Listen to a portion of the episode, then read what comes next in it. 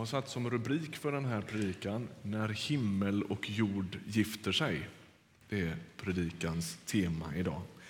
Och tanken för dig som inte har varit med på några söndagar kanske, eller är gäst här i kyrkan, så är det så att vi firade ju påsk för 14 dagar sedan. Elinor, som också är pastor här i kyrkan, predikade om den tomma graven och vad uppståndelsen innebär. Och så liksom vill vi suga lite på det där och fortsätta att fundera över vad innebär det att leva i påskens skugga. Det finns väldigt, väldigt många spår som det där skulle kunna ta.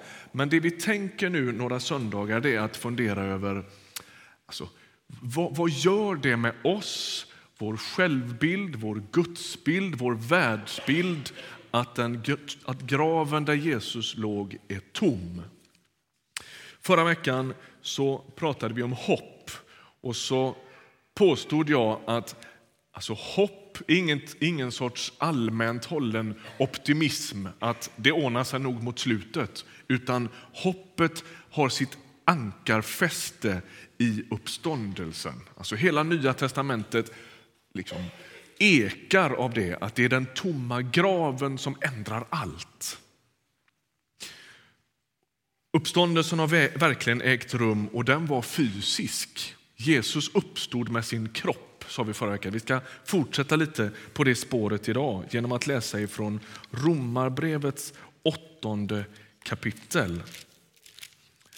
Jag skulle gissa på att för många bibelläsare är det ett av de mest tummade avsnitten i, i hela Bibeln. Man läser gärna Romarbrevet 8. Det finns liksom hur mycket som helst att ösa ur där. Vi ska läsa några verser som jag inte tror kanske hör till de mest tummade, om ni förstår vad jag menar. Från vers 18 står det så här. Det är Paulus som skriver till den kristna kyrkan i Rom.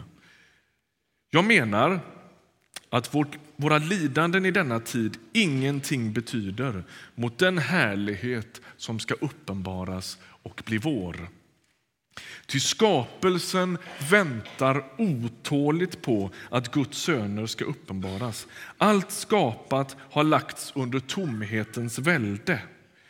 Inte av egen vilja, utan på grund av honom som vållade det, men med hopp om att också skapelsen ska befrias ur sitt slaveri under förgängelsen och nå den frihet som Guds barn får när de förhärligas. Jag skulle vilja inleda min predikan idag med att göra några påståenden, alltså några antaganden för att det här ska bli begripligt. Det första påståendet är att skapelsen, den är god. Det är så att den första kristna kyrkan, första århundradena, de levde i en kultur där den omgivande kulturen var, var starkt präglad av en grekisk filosofisk världsbild. Eh, där man faktiskt hävdade att skapelsen var ond. Och det här blev den kristna kyrkans tidiga liksom, utmaning och strid. Hur, hur ska vi liksom förhålla oss till detta? Det kröp in i kyrkan också. Vi kommer till så småningom varför det här var viktigt att ta fight mot det. Man distanserade sig från allt som var skapat och så trodde man i det omgivande samhället tillsammans med filosoferna från Aten att själen är det enda som betyder något. Det kom så småningom att utvecklas till ett helt lärosystem som man brukar kalla för gnosticismen. Det finns mycket att säga om det som vi sparar till kanske någon fördjupningskväll eller så. Men man kan säga att det, det gnosticismen stod för det var en väldigt, väldigt tydlig uppdelning mellan det synliga och det osynliga, det materiella och det andliga. Och Grejen var att gnosti gnostikerna de föraktade det materiella och det skapade och upphöjde det osynliga, immateriella och andliga. Och Det här fick till konsekvens att i gnostikernas liksom, världsbild och syn på människan så, han, så kunde det här leda till två väldigt olika slutsatser. Antingen till ett totalt förakt för allt som hade med det fysiska att göra i meningen att man kan förakta och stänga av alla kroppens behov till exempel. Man föraktar allt som har med liksom, vanligt fysiskt liv att göra. Om vi tar ett konkret exempel så kan man säga att i relation till sexualitet så fick den gnostiken stora problem. Antingen så gick han i, eller hon i diket att förakta alla de liksom, mekanismerna, alla de behoven och säga att sexualitet och kroppens behov det är något fult. Eller också fick det helt motsatt effekt. Och så säger man så här, eftersom Gud ändå inte har med kroppen att göra och eftersom kroppen ändå liksom inte är något viktigt så kan man göra vad som helst med den. Så en gnostiker kunde dra två fullständigt diametralt olika slutsatser i exempelvis frågan om sexualitet. Antingen blir han djupt livsförnekande eller också så blir det laglöst fullständigt därför att det spelar ändå ingen roll. Det är bara anden som gills. Det här var den tidiga kyrkans stora problem. Därför att för den kristne var det otänkbart att se på skapelsen som något lägre eller som något förkastligt. Nej, den tidiga kristna kyrkan hävdade, precis som bibeltexterna även i Gamla testamentet, att skapelsen är god. Den är skapad av Gud. Det andra påståendet, för att min fortsatta predikan ska bli begriplig, det är att ondskan ändå är ett faktum. Ondskan är verklig, den är kraftfull och den är närvarande i hela den skapade tillvaron. Men har inte med det faktum att tillvaron är just skapad att göra. Alltså, det är inte för att skapelsen är skapad, för att den är materiell, som den är märkt av fall och synd och ondska. Ondskan visar sig inte i att skapelsen är fysisk eller ens att den är förgänglig utan ondskans djupaste natur har med gudlöshet att göra. Vid syndafallet märks inte bara varje människa av det som händer utan hela tillvaron gör det. Hela tillvaron gör det. Hela skapelsen. Eh, det, det går sönder någonting i allt som utgör tillvaron när syndafallet äger rum. Okej, okay? är med så långt? En del nickar och är med. En del är skeptiska nu. Vi får se om jag lyckas vinna dig. Låt oss stanna upp en stund, stund inför det här. Om det nu är så att skapelsen är god och ondskan är ett faktum, då skulle vi kunna prata om människor utifrån det här. Men Gud har en avsikt med varje människa. Han har en god avsikt med varje människa. Varje människa är skapad till Guds avbild. Men synden är också närvarande. Alltså, människan är inte rakt igenom god utan märkt av, av fallet. Okej? Okay? Vad ska Gud göra åt det? Ska han bekräfta människan mitt i allt det? Det är det ena den ena ytterligheten. Nej, men vadå? Det här måste bekräftas. Om människan är skapad av Gud så måste vi bekräfta henne. Eller ska han säga, nej men människan är ju märkt av synd så hon måste kasseras. Han gör ju inget av det, eller hur? Utan Gud söker människan för att hon varken ska bli bekräftad eller kasserad utan förvandlad. Eller hur? Människan är skapad med ett syfte, Gud har en tanke med henne och Gud mitt i bristen, synden, skadan söker han människan för att förvandla henne. Eller hur? Och grejen enligt den här texten det är att Gud gör likadant med skapelsen. Han varken tokbekräftar eller förkastar människan utan söker förvandla henne. Och då kommer mitt tredje påstående. Gud har en räddningsplan också för skapelsen. Så är det. De första kristna de gick inte i något av de här dikena. Antingen att tro att världen är god och stadd i någon sorts positiv utveckling och på sikt om vi bara liksom lägger manken till och, och, och skjuter till lite så kommer det här nog att bli liksom en riktigt, riktigt god paradisisk tillvaro. Det tror man inte i den kristna kyrkan. Man tror inte heller att allt som är skapat är fullständigt meningslöst, att det inte spelar någon roll. Alltså man går inte i något av de där dikena. Antingen någon sorts övertro på människans förmåga att ordna allt eller, och lyssna nu, en sorts idé om att äh, men eftersom jag är en kristen så behöver jag inte bry mig om det skapade för vi ska ju ändå dra härifrån. Man trodde inte på det på det sättet. Utan Gud har en tanke med hela tillvaron. Och när Jesus uppstår ifrån de döda så märker det inte bara mänskligheten utan allt som finns påverkas av det.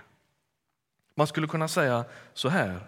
De urkristna trodde med påskdagen i ryggen att Gud skulle göra för kosmos vad han på påskdagens morgon gjorde med Jesus. Jag ska säga det igen, för det är liksom lite kärnan idag. De urkristna trodde med påskdagen i ryggen att Gud skulle göra för kosmos vad han på påskdagens morgon gjort med Jesus. Poängen är inte att den förgängliga skapelsen pekar från en materiell värld till en immateriell värld. Alltså, det är inte så att okej, okay, här och nu så är världen fysisk och skapad men den stora drömvisionen för en kristen det är att, att tillvaron ska vara immateriell. Att det bara ska vara någon sorts liksom, gastillvaro.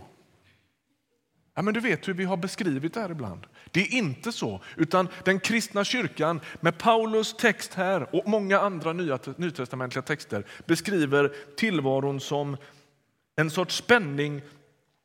Vi lever inte i en spänning mellan den onda jorden och den goda himlen utan världen sådan den är och världen sådan den en dag är tänkt att bli. Hänger du med? Det är två parallella perspektiv. Nya testamentet talar om den nuvarande tidsåldern och den kommande tidsåldern. Och Jesus som stiger upp ur den där graven, han kommer på ett eller annat sätt att förvandla hela tillvaron. Även skapelsen väntar, stod det i texten här, trånar, längtar efter att Jesus ska träda fram i härlighet så att allt blir förvandlat. Hur ska Gud då göra det? Ja, alltså det duger ju inte på något sätt att förbättra världen sådan som den är. En optimist skulle säga tro på det goda. Vi måste uppmuntra det goda i människan, det goda i tillvaron, så kommer det liksom att väga över. Det är väldigt mycket så som eh, modern eh, politik fungerar. Eller hur? Man frågade en av våra svenska politiker för ett par år sedan inför Turkiets inträde i EU. Hur, hur, eh, hur ser du på alla dessa djupa, djupa eh, liksom, svårigheter som har med mänskliga rättigheter och så vidare att göra? Ehm, Eh, alltså, I ett västerländskt samhälle tänker vi ändå liksom en del runt jämställdhet och, och alla, liksom alla möjliga sådana här frågor. Hur tänker du runt det? Det, det, det? Är inte det viktigt att Turkiet får ordning på det? Varpå hon säger jo, det kommer ju ta flera år att ändra på det, säger hon då. Och man liksom bara satt och skrattade rakt ut framför Aktuellt. Det tar ju generationer, eller hur? Alltså, det, det är en sorts övertro på människans godaste drivkrafter. Men motsatsen är lika, lika eh, obiblisk. En sorts idé om att rädda själavarelser från en ond värld som en gnostiker skulle föreslå. Vi skippar den här världen och så drar vi. Och så tänker vi oss den perfekta paradisiska världen i någon sorts immateriell eh, abstrakt värld. Nej, den kristna kyrkan talar om att Gud omskapar världen och tar itu med ondskan. Gud gör miraklet som han också gör i ditt och mitt liv. Han varken alltså, han lyckas med kombinationen att älska och ta itu med ondskan och synden på samma gång. Han gör detsamma med hela tillvaron så småningom.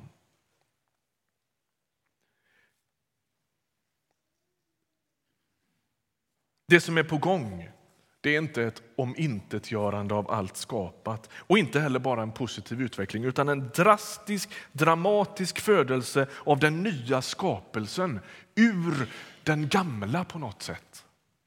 Det föds något nytt, helt annorlunda och samtidigt med spår av det gamla. Kommer du ihåg, du som var med, hur vi pratade förra söndagen om, om Jesu kropp? Det är alltid farligt som predikant att fråga om folk kommer ihåg, för det är inte givet att de gör det. då sa vi att när Jesus uppstår från de döda så har han en kropp. Å ena sidan så är det en kropp som bär spår av den gamla. Vid några tillfällen så tar folk miste och tror att han är någon annan. å andra sidan så är den väldigt annorlunda. Han går genom stängda dörrar och han, eh, ja du vet, så va? och så småningom så, så sker uppstigandet till himlen till exempel. Alltså, det är ju inget, det är inte för vanligt folk. så. Och, och, och där någonstans så får vi en liten glimt av vad det är som är på gång. En ny förvandlad tillvaro i uppståndelsens kraft. Det är vad som väntar. I den förvandlingen ligger också domen över ondskan. Hela Nya testamentets texter om den yttersta tiden har som djupaste avsikt inte att du och jag ska sitta och lägga pannan i djupa veck och fundera över liksom, eh, sifferkombinationer och blekgula hästar och allt vad det är. Va? Utan att vi, ska få en, att vi ska fatta mod och förstå Gud har inte tappat greppet. Han kommer att ta itu med ondskan. Han har inte tappat kollen på tillvaron. Hela tillvaron kommer att upprättas och garantin för det, det är den tomma graven i Jerusalem. Han har inte tappat greppet. Ondskan kommer inte att få sista ordet. Sista ordet är inte sagt. Det, det, det liksom andas både Paulus undervisning, Uppenbarelseboken, liksom hela Nya testamentets undervisning om vad som är på gång andas av det här. Gud har koll. Vi vet inte exakt hur det går till när Gud tar itu med ondskan.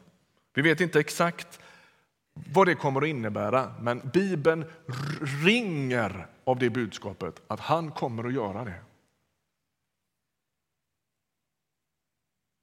Alltså är inte Jesu uppståndelse bara knuten eller begränsad till kristna människors liv utan hans död och uppståndelse ekar genom hela universum och allt som finns kommer på ett eller annat sätt att påverkas av det. I Uppenbarelseboken talas det om ett förestående bröllop. Och Det är som om himlen och jorden på något sätt är gjorda för varann. Ungefär som när en man och en kvinna ska gifta sig. Hur många här inne är det som har sett en film som heter Truman Show? Har sett den? En del har sett den. Eh, huvudkaraktären i den här filmen han heter Truman. Han spelas av Jim Carrey, som ni säkert har sett i en del andra filmer.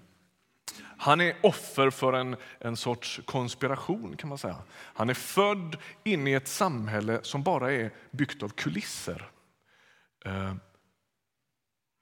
han är på tv dygnet runt. Det finns en tv-kanal där Trumans liv hela tiden går att följa. Det finns en massa statister. Hans fru är statist så småningom.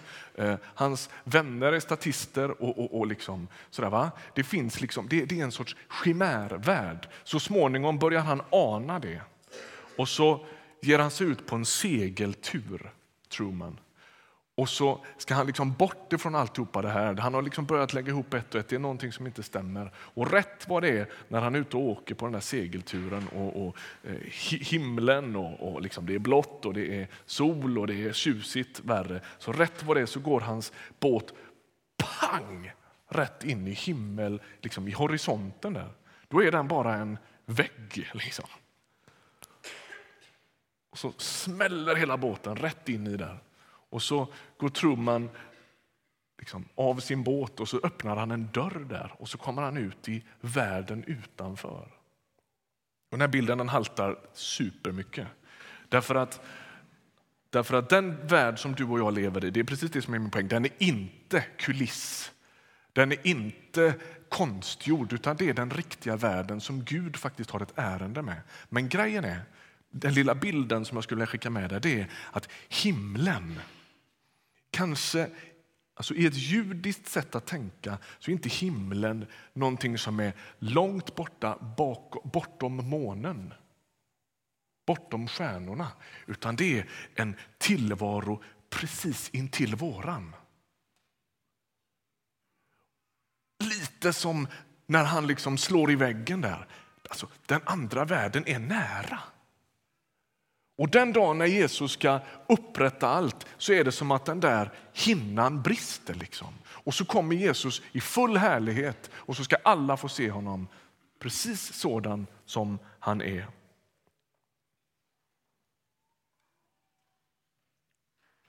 Okej, okay. vad är detta nu då? Är inte detta bara någon sorts hårklyverier? Har det någon betydelse? Är det inte bara intressant för en pastor med lite för mycket tid att sitta och grunna på sånt här på dagarna?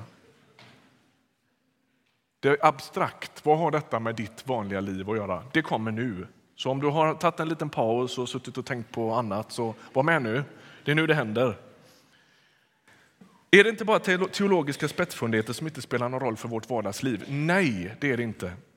Vi är alla djupt påverkade av en sorts idé om att frälsning och kristet liv handlar om själen.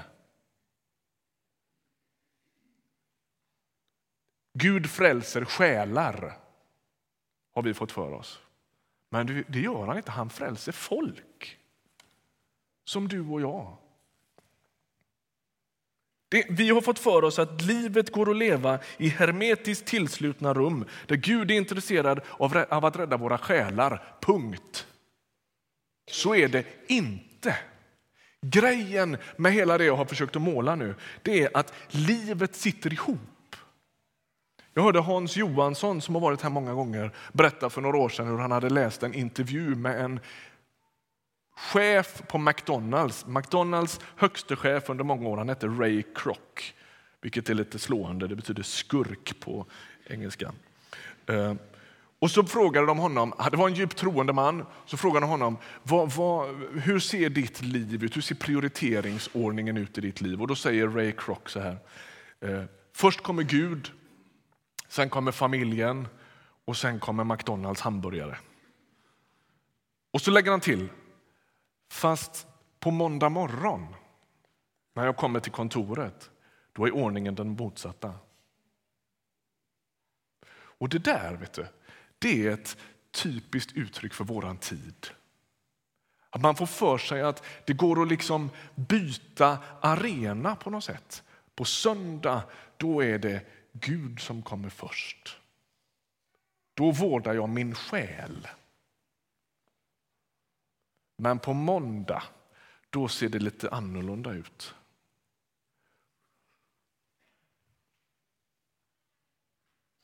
Helt främmande för Bibelns begreppsvärld. Helt främmande. Och Det är det som är grejen med det vi försöker säga idag. Jag ska läsa en text tillsammans med dig. Ska vi se om du är med på vad jag menar. Första Korintierbrevets sjätte kapitel. Paulus undervisar där eh, och i Korint, Korint var en stad som i många stycken påminner om en västerländsk modern stad idag. kan man säga. Det fanns ett otroligt utbud av massa grejer man kunde göra och hitta på. Eh, och en, en ganska dekadent tillvaro måste man säga med en extremt sexualiserad värld. När människor säger jo men vi kan inte läsa Bibeln för att fundera över hur vi ska se på vår sexualitet därför att vår värld är så annorlunda så drar jag alltid lite på munnen därför att vår värld är i många stycken väldigt lik det som de här människorna levde under. Eh, extremt eh, översexualiserad tillvaro. Och så säger han så här. Allt är tillåtet för mig men allt är inte nyttigt. Allt är tillåtet för mig, men ingenting får ta makten över mig. Maten är till för magen och magen för maten, tills Gud gör båda överflödiga. Men kroppen är inte till för otukt, utan för Herren, och Herren är till för kroppen. Gud har uppväckt Herren, och genom sin makt ska han uppväcka oss. Vet ni inte att era kroppar är Kristi lemmar? Kommer ni ihåg, innan vi läser vidare, kommer ni ihåg vad vi sa innan? Att den omgivande kulturen talar om kroppen i nedsättande termer. Och Paulus han är supermedveten om vad det är han säger här. Alltså, med kroppen tillhör du Gud. Ska jag ta Kristi lemmar och göra dem till en skökas lemmar? Nej! Vet ni inte att den som förenar sig med en sköka blir till en enda kropp med henne? Det heter ju de två ska bli ett. Men den som förenar sig med Herren blir till en enda ande med honom. Håll er borta från otukten. All annan synd som en människa begår lämnar kroppen utanför, men den otuktige syndar mot sin egen kropp. Vet ni inte att er kropp är ett tempel för den helige Ande som ni har inom er och som ni har fått från Gud? Ni tillhör inte er själva. Gud har köpt er och priset är betalt. Ära då Gud med er kropp, säger han.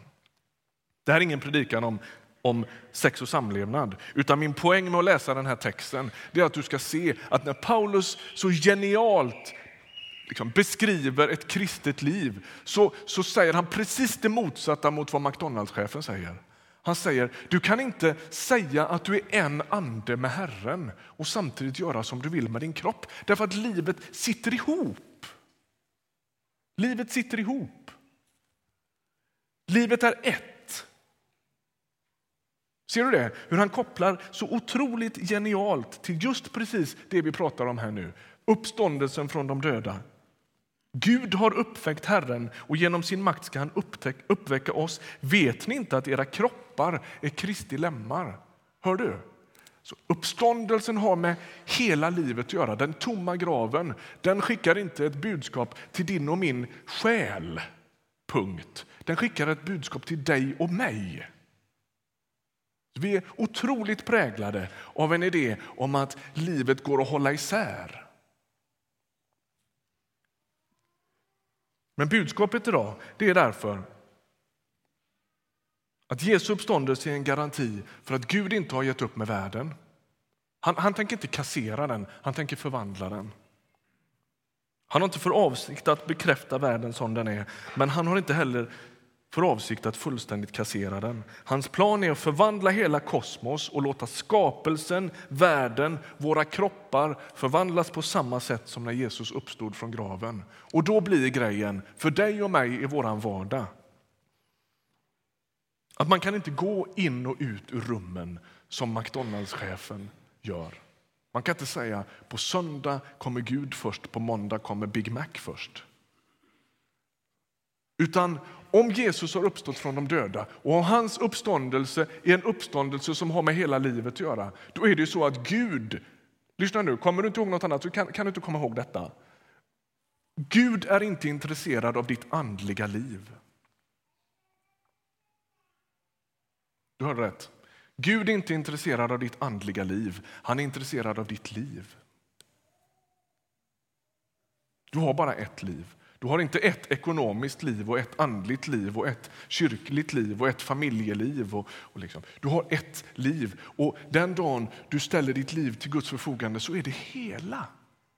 Är du med? Det sitter ihop.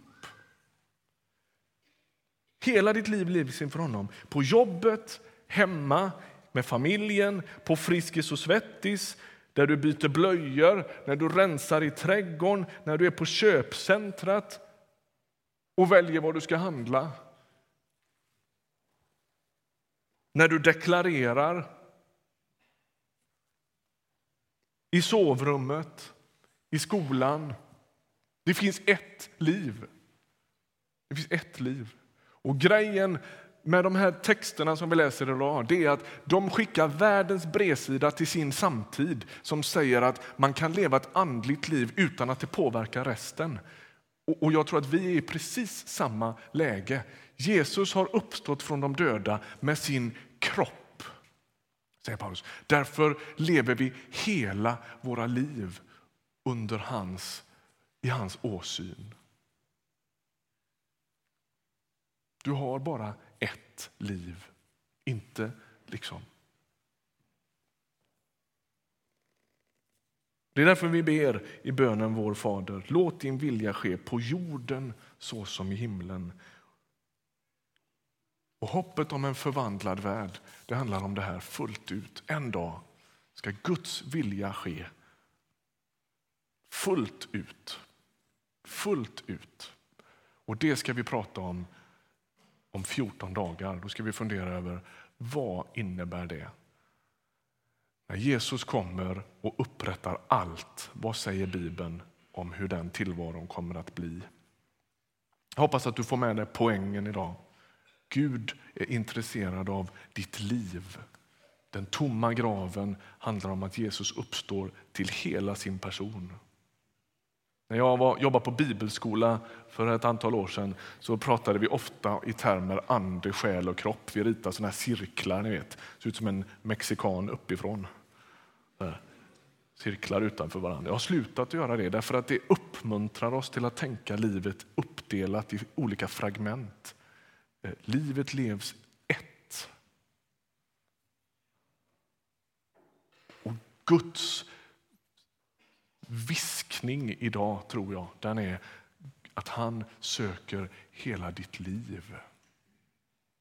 Med plånbok, sängkammare, konsumtionsvanor, relationer, attityder, roll på jobbet, alltihop, allt det som är ditt liv.